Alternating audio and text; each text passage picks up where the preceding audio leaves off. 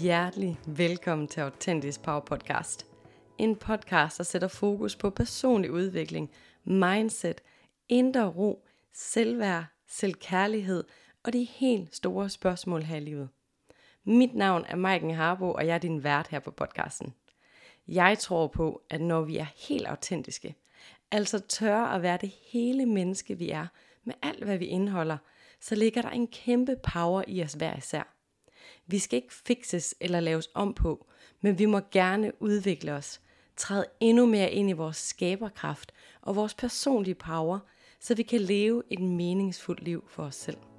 Tak fordi du lytter med.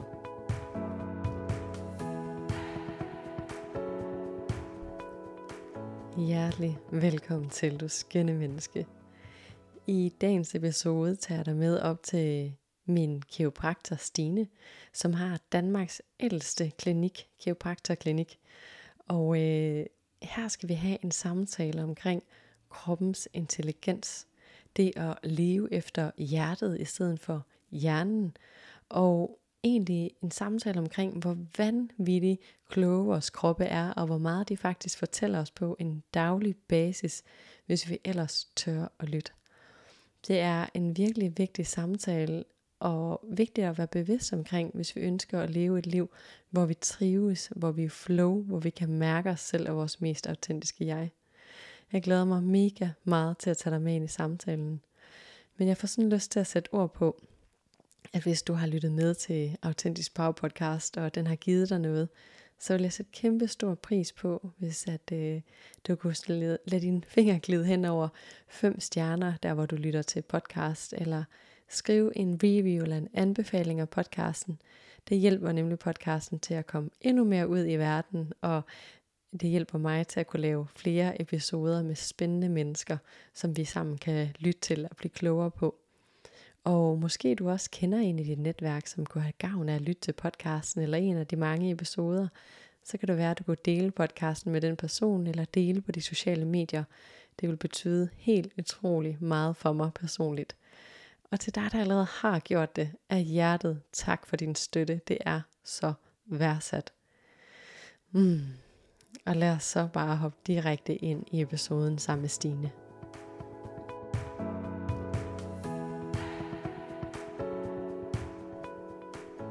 Hjertelig velkommen til Stine. Tak. Ja, tak. Det er, jeg elsker den der start, for det, sådan er det altid, så kigger folk sådan, skal jeg sige noget? er du færdig? Nå, men øh, vi skal jo egentlig snakke om kroppens intelligens og sindet og ja. det holistiske tankegang til livet, alt muligt forskelligt. Men inden vi hopper ind i samtalen, kunne du så ikke lige tænke dig at sætte et par ord på, hvem er Stine? Det kan du tro. Uh, jeg hedder Stine Bjerstrup Christensen. Jeg er medejer af familiekybraktik i Aarhus, Hans Hartvig Hedderstræde, og jeg ejer klinikken sammen med min mand Richard. Uh, vi har faktisk 100 års jubilæum i år, så hurra, hurra. Ej, tillykke. Det er meget stort. Det er meget mm. sjovt. Så Danmarks ældste klinik. Ej, hvor vildt. Øhm, og øh, ja, mange har måske hørt lidt forskellige ting om kybraktorer, og jeg tror, det som mange har hørt, det er jeg ikke. øhm, jeg tænker mere holistisk og vitalistisk, og øhm, det vil også fremgå af, af vores samtale i dag. Jeg er slet ikke i tvivl om.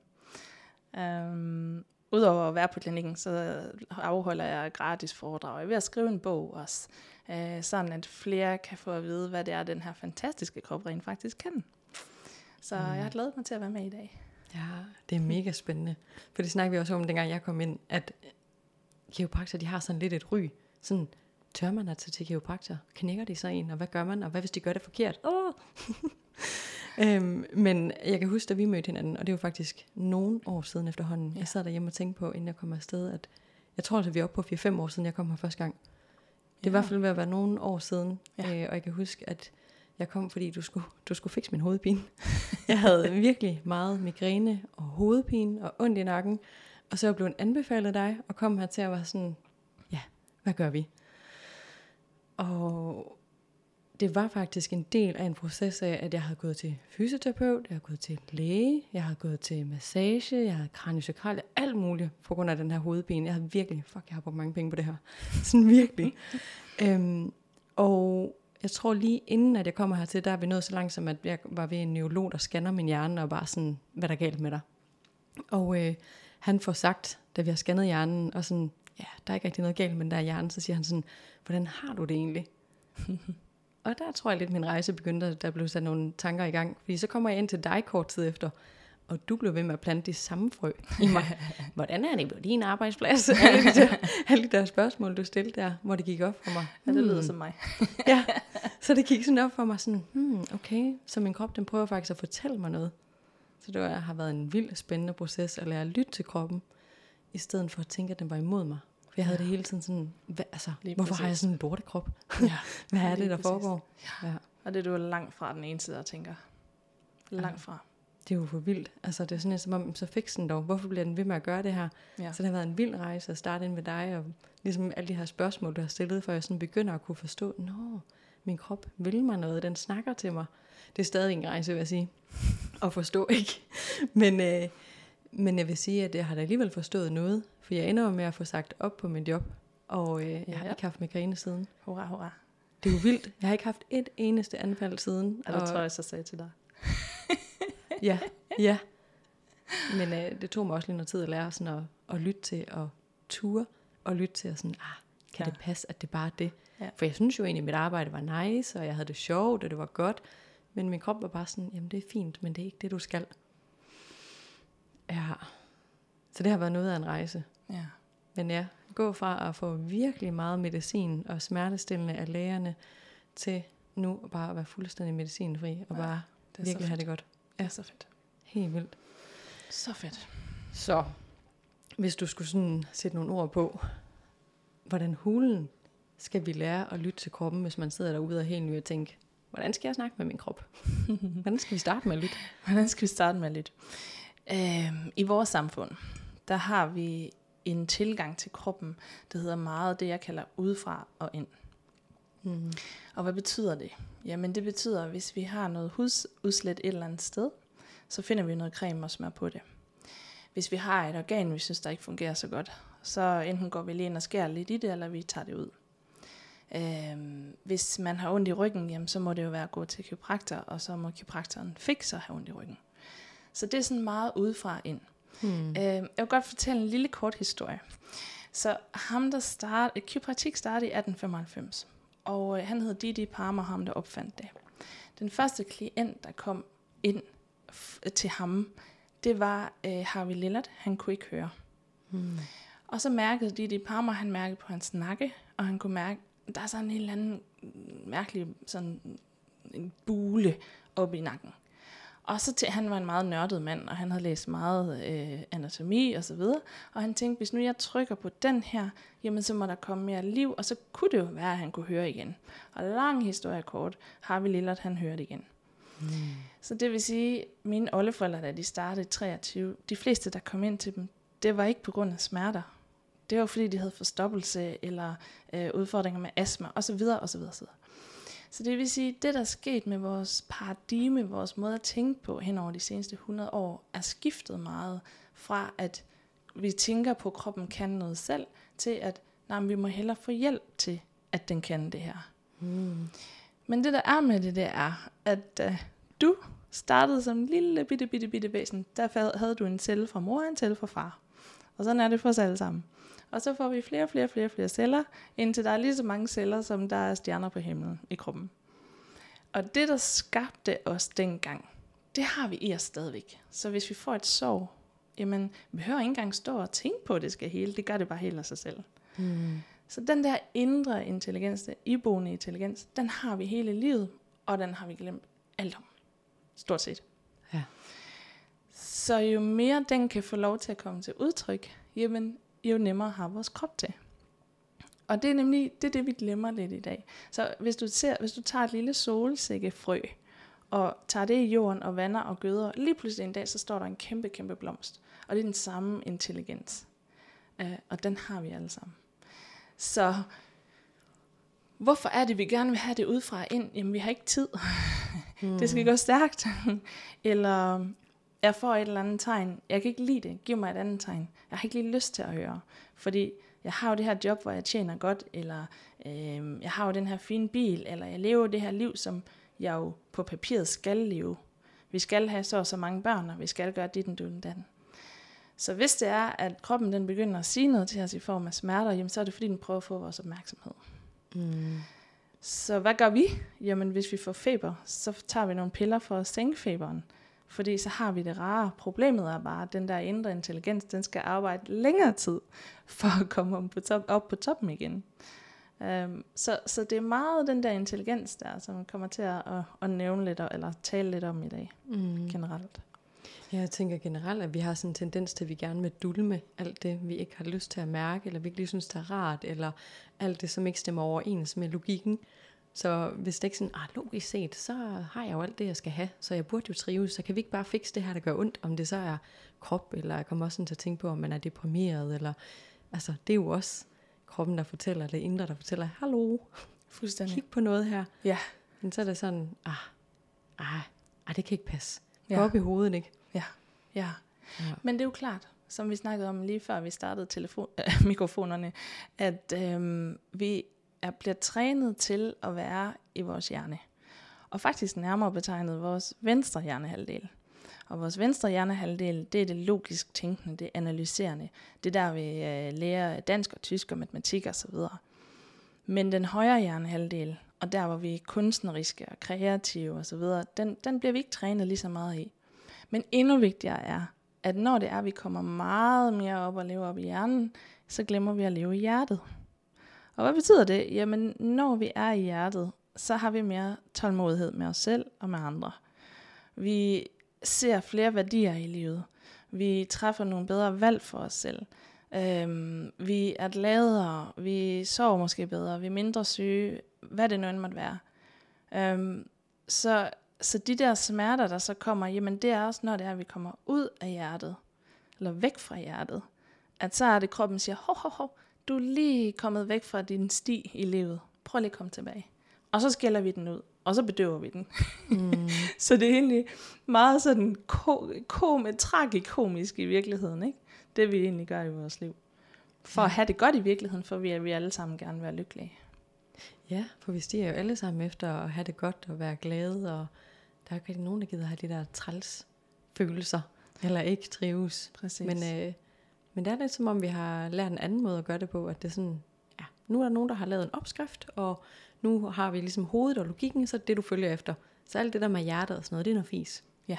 Og så kommer jeg sådan til at tænke på alligevel, så har vi jo meget i vores sprog, hvor man siger sådan, ej, følg nu dit hjerte, eller hvad siger din mavefornemmelse, eller de ja. der ting der, det siger vi stadigvæk, ja. men, men det er som om, at det er sådan noget, man bare siger, men du skal egentlig bare gå op i hovedet og lytte. Ja, lige præcis.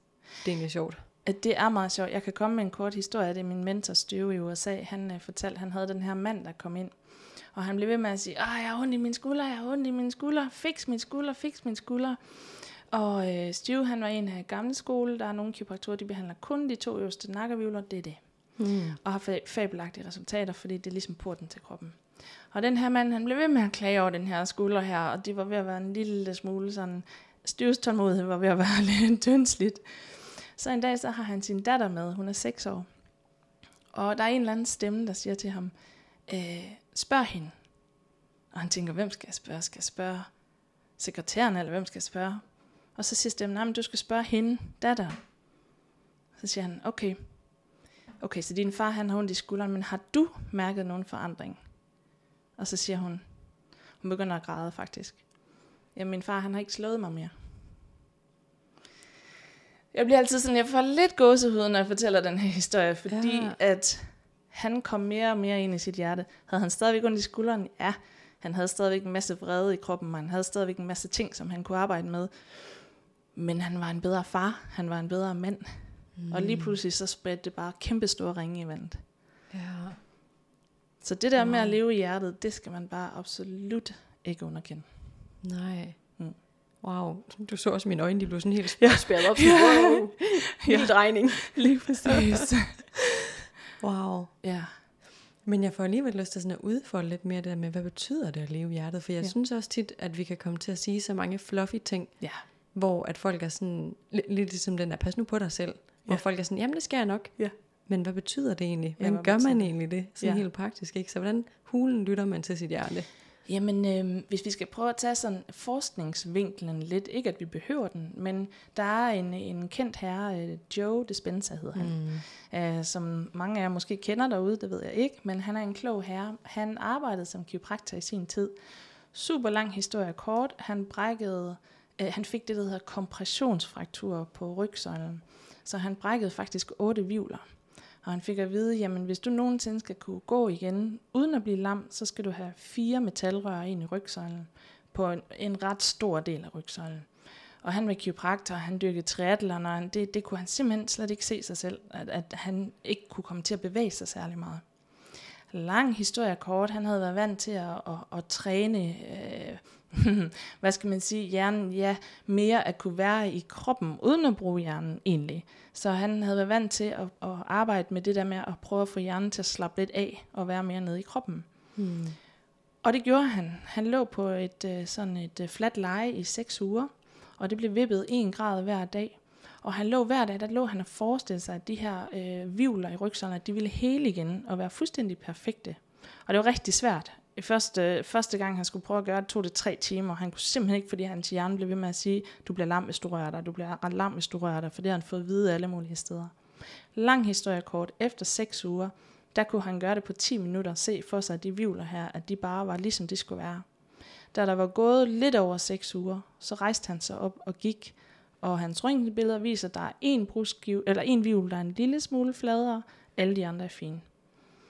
Så sagde han til sig selv, når jeg kan gøre det her, så kan det reproduceres. Så han, øh, han begyndte at forske i alt det her.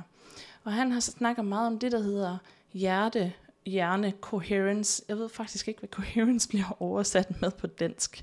Mm. Men det er, at vi teknikker til, hvordan man kan være i hjertet, øh, sådan at det faktisk er hjertet, der fortæller hjernen, hvordan vi skal have det. Fordi mange tror jo, det er hjernen, der styrer det hele, men det passer faktisk ikke. Øhm, så 80% af alle de signaler, der løber i kroppen, de løber ude fra kroppen og op til hjernen. Det er kun 10%, der løber fra, fra hjernen og ud til kroppen. Nå, nu bliver det lidt nørdet. Kom med det. Men hvis vi kan finde ud af at være i det her hjerte her, jamen du havde jo en klog herre inden, der talte om det der med frekvenser i kroppen, det man sender ud. Han sagde også, jo mere vi er i hjertet, jo mere sender vi frekvenser ud, der får os til at slappe af, der får os til at være øh, gode, søde, rare, venlige mennesker øh, og gladere mennesker. Og Joe Dispenza, han har målt den her energi, der er i hjertet. Han har faktisk også været med til at finde ud af, øh, der er noget, der hedder HeartMath Institute i USA, hvor de har forsket i det her hjerte her, og man har faktisk en mini-hjerne i hjertet. Så hjertet styrer faktisk 1400 systemer i kroppen. Så det vil sige, at jo mere vi kan komme ind i hjertet, jo mere vi kan sætte os ned, eventuelt med hånden på hjertet, eller at vi sidder ned og trækker vejret ind igennem hjertet. Vi, vi ser for os, at vi trækker vejret ind igennem hjertet og ud igennem hjertet. Jo mere kan vi komme i kontakt med hjertet. Så det behøver faktisk ikke være mere end det. Måske sidde en 5-10 minutter, at man lægger hånden på hjertet, og så sidder simpelthen og fokuserer på sit hjerte. Det er jo sjovt, ikke? Fordi det kan lyde så fluffy, sådan med at trække vejret ind gennem hjertet. ja. men, men jeg tror nogle gange, at det netop er der, vi skal lære at smide hjernen, og være ja. sådan, okay, men lad mig nu prøve det, lad mig nu øh, bruge min fantasi. Jeg kunne mærke, da du sad og gjorde det, så tænkte jeg sådan, mm, forestil mig lige, så mine skuldre, de faldt lige sådan to centimeter Ja. længere ned fra ørerne. Ja. Sådan, ah, det var dejligt. Lige præcis. Og så er det måske lige meget, hvad det er, hovedet siger, eller hvad der ja. lyder mærkeligt eller fjollet. Ja. Men prøv at mærke det, prøv at forestille dig det. Og Ja. så lege med det måske. Det er en virkelig spændende indgangsvinkel, synes jeg. Lige præcis. Vi har meget vores fysiologi, den måde vi bevæger os på i dag. Det er faktisk meget som om, der hele tiden er en tiger efter os.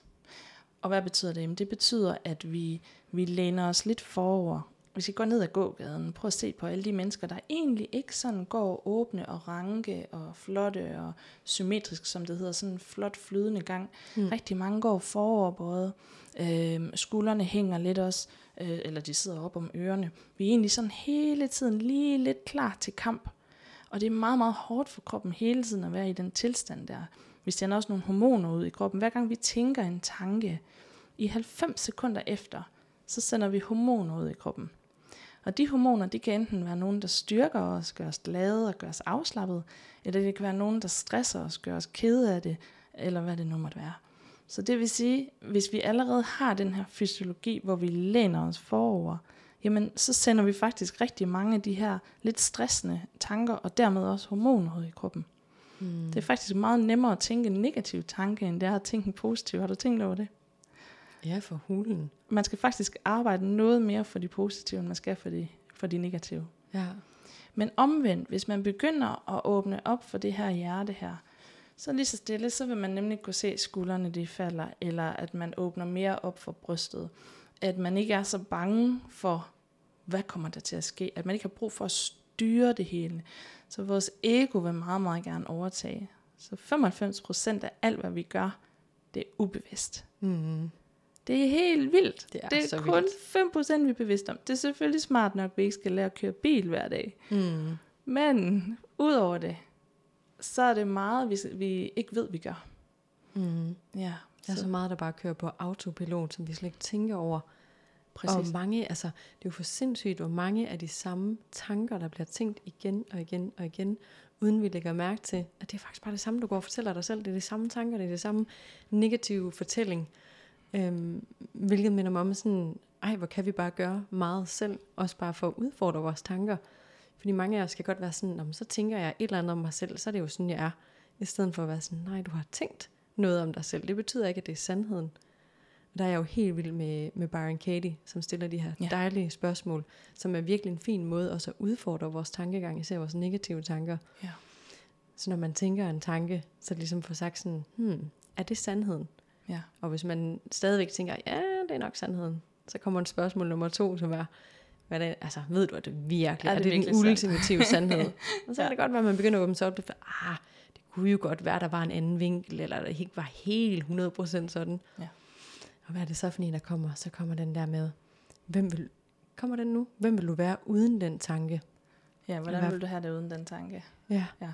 Og så når man kan begynde at tænke, hmm, det ville egentlig være virkelig rart, hvis jeg ikke tænkte så negativt omkring mig selv, eller Ja. hvis jeg ikke tænkte, ja, hvad det ene er, man tænker omkring sig selv. Ah, det ville egentlig være virkelig dejligt ikke at tænke sådan. Ja. Og så begynde at omformulere den her, okay, hvad kan jeg tænke i stedet for? Jeg synes, det er et vildt fint værktøj til at begynde at udfordre sine egne tanker og tænke klart. anderledes. Helt klart. Det kan godt være en proces, fordi hjernen er vant til at tænke de ting, som, den- og det bliver den bare ved med. At, det er Oh, lidt ja. ligesom motor, en motorvej op i hjernen, ikke? at hjernen er sådan, Nå, den her motorvej, den kender jeg, så den kører jeg bare ud af. Så jeg Ja. tænker bare negativt omkring mig selv. Ja. Så vi skal til at bygge en helt ny motorvej, ikke? og først er det nok bare en landevej, som lige skal lære at blive tilkørt, før at vi sådan kan begynde at tænke nye. Eller en meget, meget lille grussti. ja, ja. Men jeg tror også, det er det, mange de tænker, at når det er, man skal ændre sig, så nu ændrer jeg mig. Mm. Og det var så det. Øh, men ham, det var Dispense, for at vende tilbage til ham, jamen han, han viser rent faktisk, hvordan man kan ændre sig. Altså han har vist det meget med meditation. Folk sætter sig ned, og, og ikke fordi vi ikke skal have tanker, vi må gerne have tanker, når vi mediterer, men det handler om at prøve at sidde og være et andet jeg, eller ikke, i virkeligheden ikke være nogen, når det er, man sidder. Fordi at hurtigt, så skal vi nok, de, nemlig de samme tanker skal nok, de skal nok komme. Men simpelthen prøve at sidde og være, og så også prøve at se for sig, hvad er det egentlig, jeg gerne vil i stedet for. Og nemlig så den lille sti bliver til en lidt større vej og en lidt større vej. Øhm, som han beskriver det, som vi talte faktisk om det før, vi tændte mikrofonerne, at han beskriver det lidt som, at når man skal gå fra det gamle til noget nyt- nyt, så er det, man skal igennem en, en, en flod, og den flod, den, den, den er ikke lige nem at komme igennem, og det gør måske lidt afs undervejs også. Men til gengæld, når man så er kommet over på den anden side, så kan man se, hvor meget tørke der egentlig var, der hvor man kom fra, Mm. og så se de nye muligheder på den anden side. Øhm, og så det er egentlig det, det handler om. Ligesom vi går ned og træner vores muskler, så kan vi også træne vores hjerte-hjerne-forbindelse på fuldstændig samme måde. ja. Og det giver så meget i livet. Og hvor er det også vildt, ikke? fordi det er så naturligt for os at snakke om, husk at bevæge dig, husk at gå ned og træne, træner du, husk at du bevæger din krop, alle de der ting. Sådan. Ja. Men sådan som jeg ser det, så er det i hvert fald tit, om, tit og ofte omkring, sådan, fordi man gerne vil se ud på en specifik måde, mm. hvor vi glemmer sådan lidt, hvor blev der det der med, fordi jeg gerne vil passe på min krop, og så også den der del med at træne sin hjerne, træne sit mentale helbred, og passe på det også. Altså Ja. det hele er sådan en stor samhørighed, ikke? Ja, lige præcis. Jeg Ja. plejer at sige inde på klinikken, at, at altså, vi har tre ting, der påvirker os i dagligdagen. Vi har det kemiske, det er mad, medicin, drikkelse. Øhm, det, er, øh, det er også 5G, og det er også forurening, og alle de der ting øh, lagt sammen. Og den anden, det er det fysiske. Hvordan vi bevæger os. Er det for meget, eller for lidt, eller for tungt? Og så har vi det mentale. Og jeg, jeg plejer altid at sige, og jeg ved også, øh, forsker Bruce Lipton, cellebiolog, han siger, jamen, det mentale, det er helt op til 98 procent, det har betydning. Det vil sige, de tanker, vi sender ud, og dermed også de hormoner, vi sender ud i kroppen. Mm. Så selvfølgelig er det ikke, fordi at vi ikke skal bevæge os og træne. Selvfølgelig skal vi det, men det er rigtigt nok, det skal være for at gøre os godt. Mm. Øhm, men det mentale har utrolig meget at sige. Det har det virkelig. Og desværre i vores samfund, det ser jeg jo også inde hos os, selvom 95% af dem, der kommer ind hos os, det er meget vedligeholdende. Øh, så det er før, der er bål og brand, og hovedet er ved at falde af på grund af hovedpine og så videre. Øh, men der er desværre også dem, der kommer ind en gang imellem, hvor jamen, de er kommet så langt, at hoften skal skiftes, eller hvad det nu måtte være, fordi at de har ikke lyttet til tegnene. Mm. Øh, og, og de er blevet større og større. En meget, meget kort historie. Vi havde en mand kom gående herinde. Han, han var noget stor, han ville ikke bevæge sig. Jeg sagde, du skulle ud i naturen, du skulle bevæge dig. Og han, øh, nej, men det, det ville han ikke, og han blev mere og mere stresset, og så fik han en prolaps i ryggen, og jamen, jeg blev ved med at sådan prøve at give ham nogle venlige skub, ligesom jeg har gjort med dig. Mm. øhm, og nej, men det, der blev ikke rigtig lyttet, og der var problemer med deres søn, og øh, lige pludselig så fik han en blodprop, og nej, men det, han kunne heller ikke rigtig lytte. I dag, der bor han ikke sammen med sin søn, og han er skilt fra sin hustru, og sidste jeg hørte fra ham, der ville han gerne have, at jeg skrev noget, så han kunne få sådan en lille P, øh, den, det blå, blå P-symbol, øh, mm. så han kunne parkere tæt på handicap-symbolet mm. der, ikke? Så han kunne parkere tæt på, fordi han kunne ikke særlig godt gå. Og der bliver man, det er svært at stå og se på. ja. men, men det er hans liv, og han har valgt det, og, og så jeg respekterer, hvad, hvad han gør, hvad hans rejse er. Men det er bare for at sige, at vi kan så meget mere. ja. Og der kommer jeg sådan igen til at tænke på det der med, hvad er det for en historie, vi fortæller os selv? For det er så nemt at, at, at købe ind på den historie, der hedder, jamen jeg har det jo sådan her, så jeg kan ikke gå, eller ja. så jeg må hellere passe på mig selv og få det her handicapparkering, så jeg ikke skal gå så langt. Præcis. Altså det er jo en historie, man kan fortælle sig selv, ja. hvis man kan åbne sig op for, hmm, måske er der andre muligheder. Men nogle gange så tænker jeg også, at det kræver en, måske nogle gange et mod at åbne sig op, for der kan være andre muligheder, ikke? Altså, Faktisk så er der mange, der gerne vil blive det, de kender, fordi det kender de. Og det mm. talte vi også om øh, tidligere hen, at, at kvinder, der bliver i voldelige forhold, det er jo ikke fordi, de bevidst har valgt det, men de kender det. Mm. Ja. Jeg plejer at sige sådan, jamen det er jo meget rart at bo et sted, hvor du ved lige præcis, hvor der bliver slået, og hvordan ja. det føles, og du ved lige, det kan du regne med, det her jeg bliver slået, det er sådan, at det føles. Ja. Hvis du så går ud af det, ja. så kommer der alle mulige spørgsmål om, hvad så finder en anden, hvad nu hvis jeg bliver slået endnu hårdere, eller bagfra, ja. eller noget, det kan jeg slet ikke overskue. Jeg bliver her, jeg ved, hvordan det føles her. Ja. Ja. Altså, man kan jo egentlig godt forstå det eller andet sted, den der tryghed i, at om det her, det kender jeg. Jeg kender jo ikke det derude. Og det er nemt for os at se, at det er helt tudtosset, ikke? Men det kan man ikke, når man er inde i det. Mm. Men små skridt, det er også det, du gør med dine klienter. Ikke? Du prøver ikke at tage dem i hånden og hive dem i en bestemt retning. Du prøver at guide dem og vise dem, at der er altså en anden vej, end, end den de er på nu her. Mm. Øhm, og, og det er jo i virkeligheden, det, der, det er også det, vi gør inde hos os, at man kan ikke, hvis man ikke vil ændre sig, det er ligesom en alkoholiker, hvis man ikke vil stoppe med at drikke, så kommer man heller ikke til det. Lige meget, hvor velmenende mennesker omkring en er. Mm. Øh, man skal ville det selv. Men mm hvis man vil bare en lille bitte smule, så kan man bare så utrolig meget. Ja. Altså hvis... Mm. Det er helt vildt. Jeg kommer sådan til at sådan tænke på, inden jeg overhovedet startede den her rejse, jeg husker allerførste gang, jeg var til psykolog. Jeg husker, jeg var, jeg tror, jeg var deprimeret. Jeg havde det i hvert fald sådan, og tog til psykolog, og var bare sådan, jeg ved ikke, hvad han har tænkt, men han viste mig i hvert fald sådan nogle billeder af forskellige mennesker, og så skulle jeg fortælle, hvad humør eller sindstilstander de her var i. Mm. Og alt, hvad han viste mig, det sad jeg så og svarede på, og så siger han sådan, det er egentlig lidt sjovt, fordi at de her, var det sådan noget 25 billeder, han viste mig, 20 af dem eller sådan noget, det ser du som værende negative, sure, bitre, trælse, ked af det mennesker, hvor han sådan, det var de ikke. Nej. Altså, det var der måske syv af dem, der var. Men det var sådan, du læste dem. Ja. Og det sagde bare så meget om, hvor, hvor jeg var i mit liv, og hvordan jeg så på livet, og hvordan jeg oplevede livet. Ja. Og det synes jeg er sådan, wow, det er lidt uhyggeligt. Jeg tror, at hvis jeg fik den samme øvelse i dag, så ville det være helt omvendt, fordi ja. jeg ser på livet så anderledes. Nu er det meget mere, som hvis jeg ser mennesker ude på gaden, så er det sådan, Nå, jamen altså, der kan jo være sket rigtig meget. Altså sådan, når du kan gå i din egen lille verden, det betyder jo ikke, at du er sur. Eller, du ved, sådan, nu, nu kan jeg sådan tænke på en helt anden måde, og ser ikke det negative, som jeg gjorde dengang. Men, øh, jeg tror, hvis vi havde haft den her samtale dengang, så havde jeg været sådan, hvad fanden snakker du om? Ja. jeg er jo bare, som jeg er, og jeg har det bare, som jeg er, og jeg kan jo ikke ændre noget. Nej. Ja. Ja, men det, det er en spændende rejse, du er på og har været på, og en rejse, som fortsætter. Og det er jo ikke enden, der er målet i virkeligheden. Det er hver trin for sig. Altså, lad os sige, at vi, øh, vi er her i Danmark, og vi gerne vil over til USA.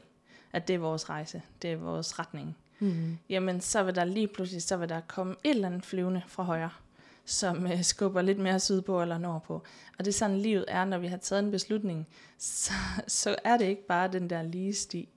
Men når man ved det, så kan man faktisk også bruge de forskellige skub til noget. Og man kan lære af dem, og man kan vokse af dem.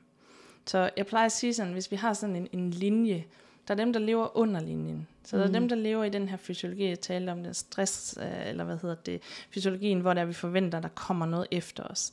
Øhm, der er vi ikke så villige til at udvikle os. Vi mener, at det er andres skyld.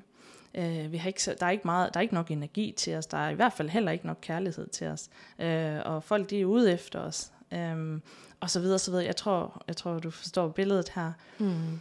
Så har vi dem, der er ovenover linjen. Jamen, øh, de ved godt, at der kan komme de her skub her. Og, øh, og det er de okay med, fordi at så, øh, så tilpasser de sig bare lige lidt undervejs. Fordi de ved stadigvæk godt, de skal til USA. Øhm, der er mere energi, der er mere øh, selvkærlighed, og der er mere også kærlighed til andre. Mm. øhm, de vil gerne lære nyt, og, øh, og det er ikke altid andres skyld, når det er, der sker et eller andet. Så er det livet, eller universet, eller hvad man nu er til. Øhm, og det der med at kunne lege og grine og smile og være glad. Så, så det, man kan godt, man kan sagtens rykke sig fra under linjen, men det kræver lidt ekstra. For det kræver, at man bliver vi- bevidst om, at man rent faktisk er under linjen. Mm. øhm, men det kan man altså. Ja. Wow. Jeg, jeg kommer sådan til at tænke på at kan vide, hvordan at jeg havde taget den her samtale, hvis jeg havde lyttet til den, dengang jeg startede til psykolog for første gang, jeg var de der, jeg tror jeg har været 18-19 år eller sådan noget. Jeg vide, om min hjerne overhovedet havde forstået, hvad der blev sagt. ja, det er, meget Det er ikke sikkert. Men, mm. men da du så begyndte, der tog du noget til dig. Og stille og roligt, så begyndte det at vokse i dig. Mm. Og så tager man noget nyt til sig. Da vi, øh, jeg overtog den her klinik efter min far, og, øh, og han gjorde tingene væsentligt anderledes, end jeg gjorde. Mm. Øhm, og jeg ved ikke, hvor mange gange jeg fik at vide, jamen øh, det kan man ikke i Danmark, eller det kan man ikke i Aarhus, eller det kan man ikke prik, prik, prik, prik, prik. Øhm, hvor gang på gang på gang, der viste det sig, om det kunne man jo godt. Men det er bare så nemt, og, og ligesom som også øh, civilingeniøren, du havde med herinde, han sagde det der med, at vores hjerte når lynhurtigt at sige til os, hvad det egentlig er, vi skal her i livet. Men så tager hjernen over og siger, ah, er du nu sikker på, at det er en god idé? Mm. Skulle du ikke hellere bare blive ved med det, du gør, fordi det er nemlig kendt, ikke? Øhm, og det synes jeg er utrolig fascinerende. Helt vildt. Øh, at vi, får, vi, har så meget, vi har så meget støj på linjen i hverdagen. Hele tiden bliver vi bombarderet. Altså jeg ser med, al, med vilje aldrig nyheder. Jeg læser aldrig aviser. Det er ikke fordi, jeg kan lide ikke at vide, hvad der foregår, men det er fordi, det meste af det kan jeg ikke gøre noget ved. Mm. Øhm, og det jeg kan gøre noget ved, jamen det skal jeg nok sørge for at få gjort noget ved. Øh, men meget af det, det er meget sensation, og det er meget negativt. Øhm, så jeg vælger simpelthen selv præcis, hvad det er, jeg gerne vil se. Og så vælger jeg simpelthen resten fra. Øhm, og jeg får ikke alle mulige notifikationer på min mobil, det har slået fra. Jeg vælger selv, hvornår jeg går ind og tjekker ting og mails og hvad det end måtte være. Øhm, og det er ikke fordi, jeg siger, at du eller I skal gøre det sådan, men det er sådan, det, det virker for mig, fordi at vi netop bliver bombarderet hele tiden. Det er den ene ting, og den anden ting er, at mange er ikke ude i naturen. Mm. Og det er der, vi kommer fra. Som jeg plejer at sige herinde, at naturen giver altid mening. Mm. Og når vi er derude længe nok, så skal vi nok finde svaret på det, vi ikke lige helt ved, hvad, hvad vi skal have svar på. Det er så vildt, hvad naturen kan.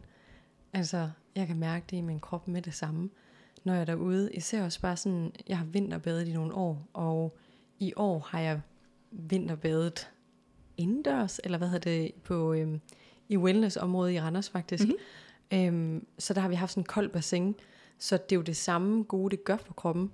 Men jeg kan mærke, at det ikke er havet, som jeg plejer at vinterbade i. jeg kan mærke forskel. Mm. Det er sådan som om, når jeg vinterbader i havet, så føler jeg mig sådan connected, og min skulder ryger ned med det samme sådan, ah, jeg får sådan en følelse af, hvis jeg har mange tanker, eller hvis jeg føler, at jeg har nogle problemer eller et eller andet, når jeg så går i havet, så kan jeg blive sådan helt, det er jo ligegyldigt det der. Ja, så Hvorfor bruger du tid på det der? det, bliver vasket væk. Fuldstændig. Ja. Det er så magisk, hvad det kan gøre. Ja.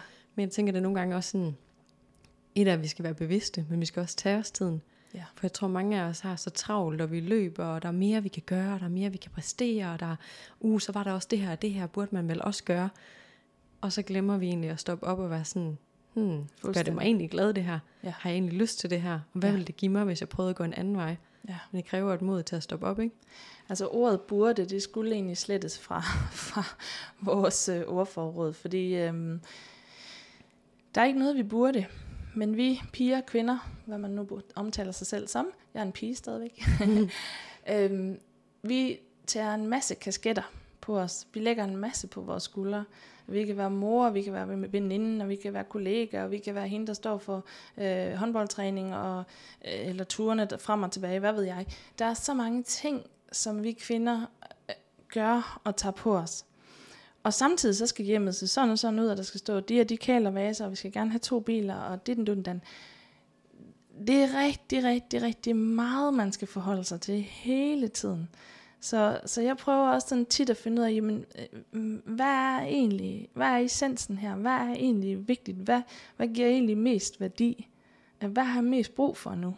Øhm, og så simpelthen prøve at skære nogle af de ting væk, eller lære at sige, nej, tak. Hmm. Fordi det er meget, meget svært for, for mange kvinder. Fordi jamen, jeg burde jo, eller jeg skulle jo, eller jeg skal se sådan noget, eller jeg skal gøre, eller vi skal også lige bakke en kage, og da, da, da, da, da ikke? Øhm, så den der med lige at prøve at tage presset lidt af sig selv. Fordi i gamle dage, så kvinder havde et job, det var familien og huset. Og de har sådan set travlt nok. Nu har kvinder måske to, tre, fire jobs i dag, med at få det hele til at køre. Ja, ja, samtidig med, at du også skal være sådan en overskudsmenneske, der, sådan, Ja. der træner og ser godt ud og passer på dig selv. Og, Ja. ja, det ved jeg ikke. Så skal du vel også bage et eller andet til din børns skole. eller du ved. Der er bare mange ting, hvor man er sådan, wow, kan vi have lov til bare lige at være mennesker sammen? Ja. Det er jo vildt det pres, vi kan komme til at lægge på os selv. Ja. Det, øhm, ja. Ja, det er det Men, men, men altså, jeg bliver ved med at komme tilbage til den der med, at- at det handler også om mod til at stoppe op og ture og spørge sig selv, hvad gør egentlig mig glad? Hvad gør Ja. egentlig mig godt? Og hvad har jeg behov for? Og det er rigtig meget af det, jeg arbejder med mine klienter med, det er at ture og stoppe op og blive inderstyret i stedet for yderstyret. Ja, Fordi det er jo præcis. virkelig sådan, at vi kommer til at tænke på, hvad synes alle de andre? Hvad burde jeg gøre? Eller, men det her der har jeg lært, jeg skal, eller det her har jeg tænkt mig frem til. I stedet for sådan at komme ind i kroppen og være sådan, hvad gør mig glad? Ja. Hvad har jeg behov for? Og sådan mærke indenfra, hvad giver mening for mig, i stedet for alle de andre. Fordi hvem er alle de andre? Præcis. Fordi så træffer de bedre beslutninger. Og de bliver gladere mennesker. Og hjertet åbnes mere. Ja. Ja, og det spreder ringe i vandet. Det spreder ringe til børnene, til veninderne, til dem, øh, de er gift med, eller hvem det nu måtte være, ikke? Mm. Og det er også det, vi ser herinde, at folk måske lige pludselig beslutter at, at sige op. Øh, fordi de kan mærke, hov, jeg er på den forkerte sti. Eller at de har fundet ud af, jamen det her forhold, det var ikke lige for mig. Det, jeg skulle på en anden sti, end den jeg er på. Øhm, og det er jo i virkeligheden det, det handler om. Og det er jo det, du hjælper med at facilitere med, det der med at komme ned og mærke, det, er vir- det er virkelig jeg, det sande jeg. Det, det, intelligensen i kroppen i virkeligheden, ikke? Mm. Fordi den er der hele livet. Den svigter os aldrig. Den er der altid. Det kan godt være, at vi nogle gange står og siger, hvorfor? Og hvad er det, du fortæller mig? Men, men vi får det egentlig at vide. Ja, eller man ikke har lyst til at høre, hvad det er, der bliver sagt. Åh oh, ja, åh oh, ja. Giv mig et andet tegn. Nej, det kan jeg heller ikke lide. Giv mig et andet tegn. Nej, det kan jeg heller ikke lide. Og sjovt nok, tegnene, de har det med at blive større og større og større. Ja. Så er det tit, folk kommer ind til mig, så siger de, jeg har ikke gjort noget. Nej, men så kan jeg jo mærke, at deres nervesystem det er fuldstændig op at køre. Og så ved jeg jo godt, at den krop her, den har været presset længe. Men hvis man har været presset længe, så er det ikke sikkert, at man selv er klar over, at ens nervesystem er helt presset. Vel? Fordi jamen, jeg har altid levet her. Det har altid føles sådan her. Hvis man ikke ved, hvordan det føles, når ens nervesystem er i ro, så Ja. er det sådan, jamen, Ja. skulle det være anderledes? Jamen nu i går, der havde vi en ny klient inde, som hun synes egentlig, det gik meget godt, men hun har lige haft ondt i ryggen i et, i et år. Mm. og øh, vi tog et røntgenbillede af hende, og hun var skæv som bare pokker. Simpelthen så skæv. Så hun har gået og fortalt sig selv en historie i meget, meget lang tid, fordi man bliver kun så skæv, hvis det har foregået i 20, 30, 40 år. Mm. Øhm, og det synes jeg var virkelig, virkelig interessant, fordi hvad er det så, det går og dækker over? Er det noget, hun har oplevet i barndommen, eller er det noget, hun stadigvæk går og holder på, fordi hun synes, jamen, det er sådan, jeg burde være, eller hvad det nu måtte være, ikke? Mm. Så ja, de der historier, vi fortæller os selv, det er meget, meget interessante. Og ja, så kan man netop fortælle sig selv en historie om, her går det meget godt. mm-hmm. Altså udover at jeg virkelig har ondt i ryggen. Men, men ja. sådan er det vel. Ja. Det går meget godt. Jeg har det jo fint. Ja. Ja. Ja. Det tænker jeg, vi alle sammen har været igennem på et tidspunkt i vores liv. Det er Sikkert. på den ene eller den anden måde. Det er vildt interessant. Kroppen er fan- fantastisk. Den er bare så fascinerende. Ham, øh, hvis vi vender tilbage til ham, Joe Dispenza, når man eller han har lavet forskning, fordi han godt ved, at mange de tænker, det er der noget værre, voodoo noget det her. Så han er faktisk, jeg var på et kursus med ham, hvor vi var 3.000 mand, der sad og mediterede i nogle timer. Han havde målt energien i rummet øh, før det startede, før vi mediterede. Så målte han det under og lige efter, og så et par dage efter. Og det var helt utroligt, at den der energi, den steg bare fuldstændig vanvittigt, da vi mediterede. Men det, der også er fantastisk, det er, at et par dage efter, der var den der stadigvæk. Så den var ikke bare forsvundet. Så det vil sige, at den energi, vi går og bærer med os rundt, den spreder sig bare som ringe hele tiden. Det er den ene ting. Den anden ting er, at han forskede så i de to blodprøver. Og så forskede de i, hvordan øh, generne opførte sig, når det var, at de mediterede, de her mennesker. Og det interessante var, at øh, det står også i hans bøger, det her. Det interessante var, at bare for en person, da sygdomsgenerne, dem var der i godsøjne blevet slukket for 3200 af dem. Omvendt så er der blevet i godsøjne tændt for mange af de gener, som holder os stærke og friske osv. osv., osv. Og igen, det er nemt at finde hans øh, bøger og se alt det her forskning. Det er helt fabelagtigt. Så folk, der har haft ALS eller multiple sklerose eller cancer i sen grad, altså fjerde stadie måske, hvor de simpelthen har helet sig selv for de her sygdomme. Og der er absolut nul og niks hokus pokus i det. Det er den evne, vi har. Mm. Det er den intelligens, vi har. Og det har vi alle sammen. Jeg elsker hans arbejde. Ja. han siger så mange gode ting. Ja. Det er helt vildt. Det gør han. Jeg har, øh, jeg har brugt tid på, og jeg har en af hans meditation, meditationer, hans guided øh, derhjemme. Det er sådan en time ad gangen, man sidder. Det er også, det er, det er en vild proces. Men ja, han har Det mange er det. steder, hvor man sådan kan starte med meditationer, eller hans retreats, eller læse hans bøger, Ja. for at ligesom åbne sig mere op, for at bare være nysgerrig på, Ja. altså, hvor har han det her fra? Fordi han er jo ikke en eller anden hokus pokus mand, der bare kommer og siger, sådan her er det. Altså, han, han måler jo på tingene. Han er Det gør han. også selv et levende billede på, hvad han selv har gjort for sin egen krop, ikke? Ja. Og der vidste han også, at fordi han selv havde gjort det, jamen så kunne han lære andre det også. Ja, nemlig. Ja. Wow. Så den kære, kære krop. Den kære, kære krop. Ja. Hvad tænker du sådan mere, vi kan gøre for at komme ned i kroppen og lære at lytte til den? Nu snakker vi om det her med at komme ned i hjertet. Mm. Hvad, Ja. hvad tips fyrer du ellers efter det her? Altså, natur, natur, natur. Mm. Den, den er altid rigtig, rigtig højt, hvis det ikke er øverst på listen. Um, en lille ting, som at være taknemmelig. Ja. Um, altså for eksempel, inden man lægger sig til at sove, at man skriver op, eller man siger tre ting eller mere, man er taknemmelig for. Uh, en meget, meget lille ting, men med stor effekt, og når man har gjort det cirka 21 dage, 3 uger, så begynder der at ske nogle ting, man fokuserer mere på de der muligheder, der er, og de positive ting, der er. Uh, det, er det er ret stort faktisk. Um, så det er i hvert fald uh, det er en af tingene. Meditation, ja, så er der altid nogen, der siger, jeg kan ikke meditere. Det har jeg prøvet, det virkede ikke for mig. Mm. Um, jeg har det heller ikke særlig nemt med at sidde og meditere, hvis, hvis der ikke er en, der guider mig. Mm. Jeg er bedst til, hvis der er en, der guider mig. Um, så, så det kan man gøre, fordi det handler ikke om, at man sætter sig ned, og så forsvinder alle tankerne, for det gør de ikke. Øh, de vil altid være der. Men det handler om, at man får den her ro, og at man ikke bliver ved med at sidde og identificere sig med den, man er 24 timer i døgnet. Mm. At man er en anden, eller at man i virkeligheden nærmest næsten ikke er noget. at man bare er. Mm. Øh, så jeg tænker, at det er sådan nogle af de mest håndgribelige ting til at starte med. øh, for at få det mentale med. Ja. Altså altid en god ting at blive tjekket for tjekket rygsøjlen, fordi det er det der, det, nu har jeg ikke snakket så meget om det, men har vi flow igennem vores rygsøjle, er der ikke låsninger, det er jo det, jeg tjekker som kiropraktor. Har vi ikke et skævt bækken, så kommer der mere energi igennem vores nervesystem, og så er det også bare nemmere at udtrykke de her forskellige ting, kærlighed og glæde og selvtillid og overskud osv. osv. Ja. Ja. Ja, hvad er du plejer at sige, når du er færdig med at justere mig, så siger du, så er der flow igennem. ja, lige præcis. ja, så er der flow. Lige Ja. præcis. Og det er jo så fint, altså lige at få, lige blive justeret lidt, og få noget flow igennem, og lige, jeg synes jo egentlig også, det har været rigtig fint at gå her ved dig, og finde ud af sådan, mm, blive lidt klogere på kroppen, og også bare nu justerede du mig lige inden vi gik i gang med at optage, hvor, du, hvor jeg var sådan, ah, jeg har ondt i lænden i dag, hvor du sådan, ja, men jeg går op i nakken. hvor jeg sådan, det er ikke der. Nej, det er ikke der. Fix mig. Ja, og du, og du fortsætter også med at sige, "Nå, hvad skal du så lytte på nu? Hvad, er det, hvad fortæller din krop dig? Åh, ja. Den fortæller altid noget. ja. Og jeg synes, det spændende er, at er vi stille nok og ærlige nok med os selv, så ved vi faktisk godt, hvad den fortæller.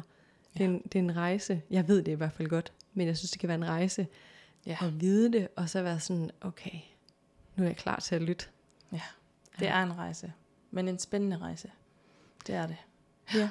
Og så tænker jeg sådan også at være kærlig ved sig selv i den altså rejse, og ikke at slå sig selv oven i hovedet, men at være sådan, jeg gør mit bedste, Ja. og jeg tager min tid. Ja. Øhm, Mm. Fordi om vi så kalder det healing, eller selvudvikling, eller hvad end vi kalder det, altså sådan, det er sgu ikke lineært, vel? Altså, det går i, øh, det går i zigzag, og vi Ja. lærer undervejs. Ja, det gør det. Jeg siger også tit, når det er, jeg har stået for, så siger jeg, har du klappet dig selv på skulderen i dag? Altså nogle gange, så glor de jo på mig, som om jeg er dybt debil. og det har jeg det fint med, fordi det er bare så nemt at slå sig selv oven i hovedet. Ja, især hvis man er vant til det, så lægger man Ja. måske ikke engang mærke til, hvordan er min indre dialog egentlig? Hvordan snakker jeg til mig selv? Det er det.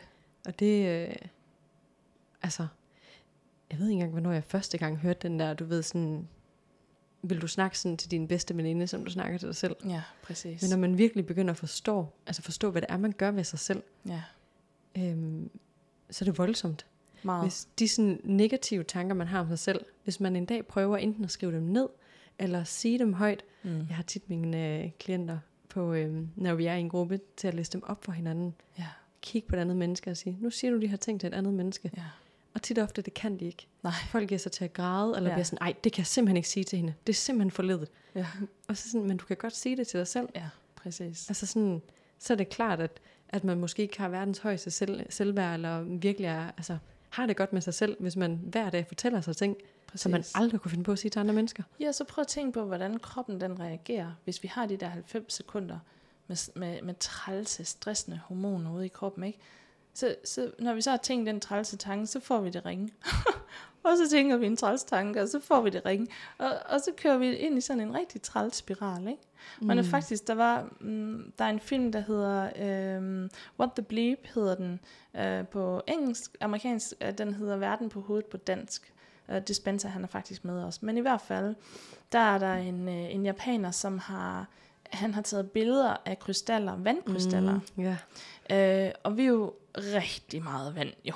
Jeg kan ikke huske, er det 80 procent, tror jeg. Der er i hvert fald Ja, meget vand i os. 70-80 procent. 70-80 procent. Mm. Øhm, og han har simpelthen taget krystaller af, eller billeder af de her krystaller her.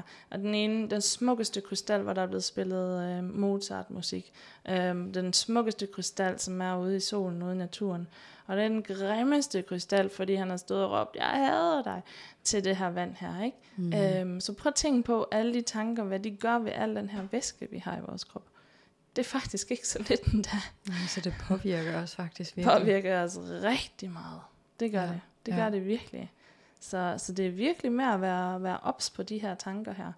Øhm, så hvis jeg er sådan lidt presset, og ah, jeg har lidt svært ved at tænke de positive tanker, men så begynder jeg bare helt lavpraktisk. Jeg er taknemmelig for, at jeg har med i maven, jeg har tøj på kroppen, jeg har tag over hovedet, øh, sådan nogle ting der. Fordi det kan vi, vi kan altid, i Danmark, der kan vi altid finde et eller andet at være taknemmelig for. Det godt være, vi tror, vi ikke kan, men det kan vi. Ja, altså jeg, jeg plejer faktisk at sige, jeg snakker rigtig meget om taknemmelighed også, og jeg plejer mm. at sige sådan, du ved, alt det, som du tror ikke at være taknemmelig over, det er de Ja. helt store ting. Ja. Som for eksempel, du har en seng at sove i, eller som Ja. du sagde, mad i maven, eller Ja. jeg har tag over hovedet, jeg har ren vand, hvor vi tænker, åh ja, ja. Ja. Det er der så mange mennesker, der ikke har. Ja. Det er kæmpe stort at være taknemmelig over. Ja, det Ja. er det nemlig lige præcis. Ja. ja. Jamen det er det. Og det er, jeg, jeg synes også lidt, nu, ikke, vi skal ikke over i burde-kategorien, men øhm, vi har sådan en, en jeg, jeg synes, vi skal se det som vores opgave at løfte, når vi er her, og ikke trække ned. Øh, fordi vi kan alle sammen løfte i positiv forstand, ikke fysisk forstand, men i positiv forstand. Det kan vi alle sammen. Det er også det, du hjælper dine klienter med, at, at man øh, får noget af vægten fra skuldrene, og at man begynder at se muligheder i stedet for øh, begrænsninger. Mm. Fordi det er altid nemt at se begrænsninger. Mm.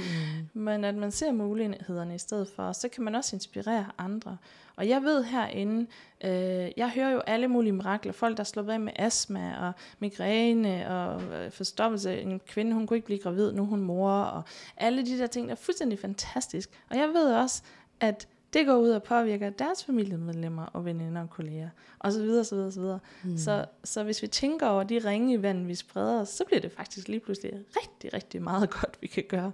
Bare med, bare med få ting. Ja. Ja, og det er vidderligt få ting. Nu synes jeg, at det arbejde, du laver, er kæmpe, kæmpe stort og virkelig en stor ændring.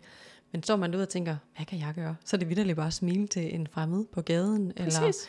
hvis man ser en, der er ked af det, høre, hvordan har du det? Og så rent faktisk at lytte, i stedet for bare at regne med, at de siger nok fint nok, så jeg kan gå videre. Eller så jeg selv kan fortælle, hvordan jeg har det. Ja, ja for hulen. For det er der meget af. Det er meget mig, mig, mig, mig, mig. Mm. Men, og jeg tror bare, det egentlig er en overlevelsesmekanisme. Fordi når vi lytter, så, så øh, det er faktisk der, vi udvikler os mest. Det er den der, øh, vi har to ører og en Ja. mund. Ja, lige præcis. Så vi skal altså lytte lidt mere, end vi skal tale. Lige præcis. Og hvor kan vi egentlig lære meget, når vi lytter? Ja. Altså, jeg kan faktisk sådan... Jeg kan blive helt irriteret, når jeg kan høre folk, de bare venter på, at jeg er færdig med at snakke, for Ja. de siger noget. For jeg kan mærke det.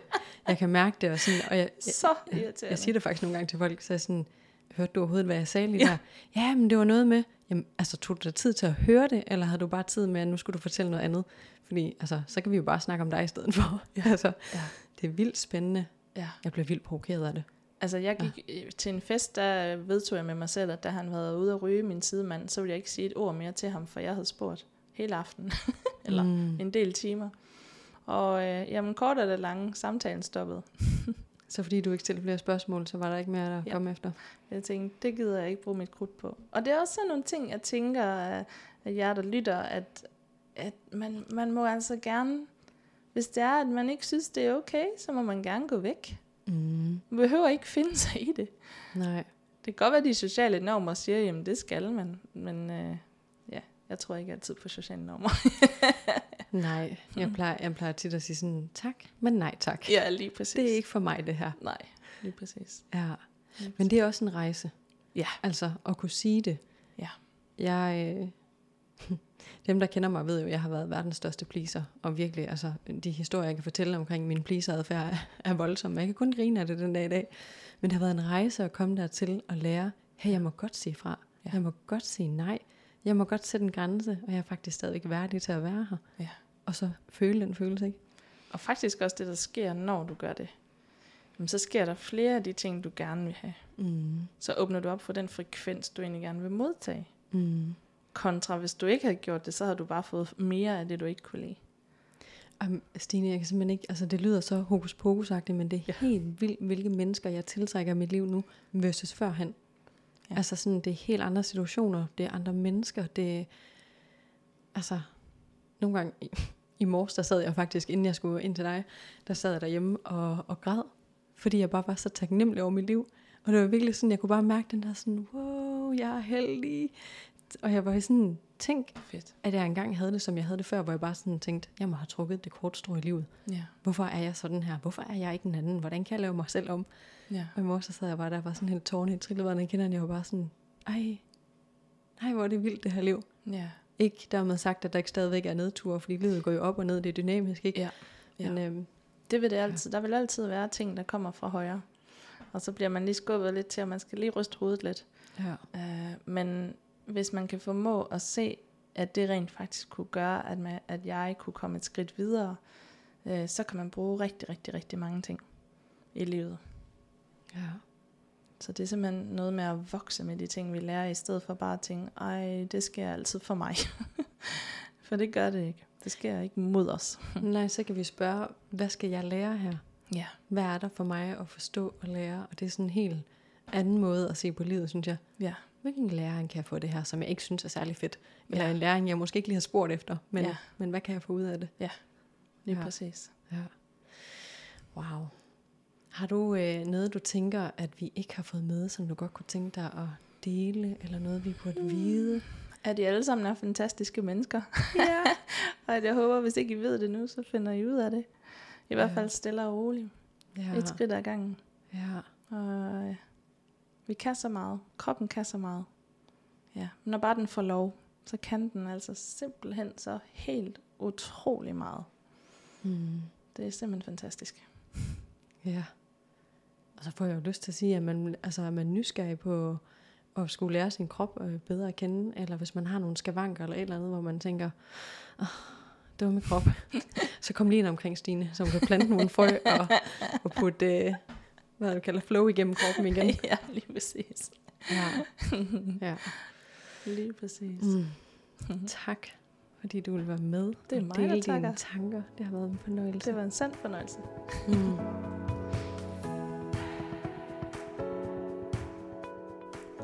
Ja, jeg ved ikke med dig, men jeg synes, det er helt fantastisk, hvordan vores krop har sådan indbygget intelligens, og faktisk er virkelig klog til at fortælle os, hvad det er, vi skal kigge på i vores liv, hvor det er, at vi skal lytte, hvis vi ellers tør at stoppe op og lytte. Og mm, jeg kan bare sige for mig selv personligt, der har det været en kæmpe frihed at forstå, at min krop ikke arbejder imod mig, at min krop ikke er dum, men den faktisk bare fortæller mig nogle ting, at den faktisk er vildt klog og intelligent. Og øhm, jeg synes, det er fantastisk den måde, at vi faktisk kan trives mere, når vi lærer at lytte til kroppen. Ligesom jeg for eksempel overhovedet ikke har migræne mere. Jeg har ikke haft det de sidste fire år, efter at have døjet så meget med det i så mange år. Og er fuldstændig fri for at skulle spise smertestillende. Jeg synes, det er en fantastisk gave. Og øh, så er jeg jo kæmpe fortaler for det holistiske, øh, den holistiske tilgang til livet. Så som Stine også fortæller om i, i podcasten her, at vores tanker, vores mentale helbred betyder virkelig noget for hele vores liv, fordi vores tanker påvirker vores krop, påvirker vores følelser, vores hormoner, og dermed hvordan kroppen har det, hvordan vi har det. Det hele spiller bare sammen på smukkeste vis. Så det er altså ikke bare nødvendigt, at vi passer godt på vores krop, men vi passer godt på vores mentale helbred, på hvordan vi har det oppe i hovedet, er mindst lige så vigtigt, hvis ikke mere vigtigt, fordi det er der, det hele starter.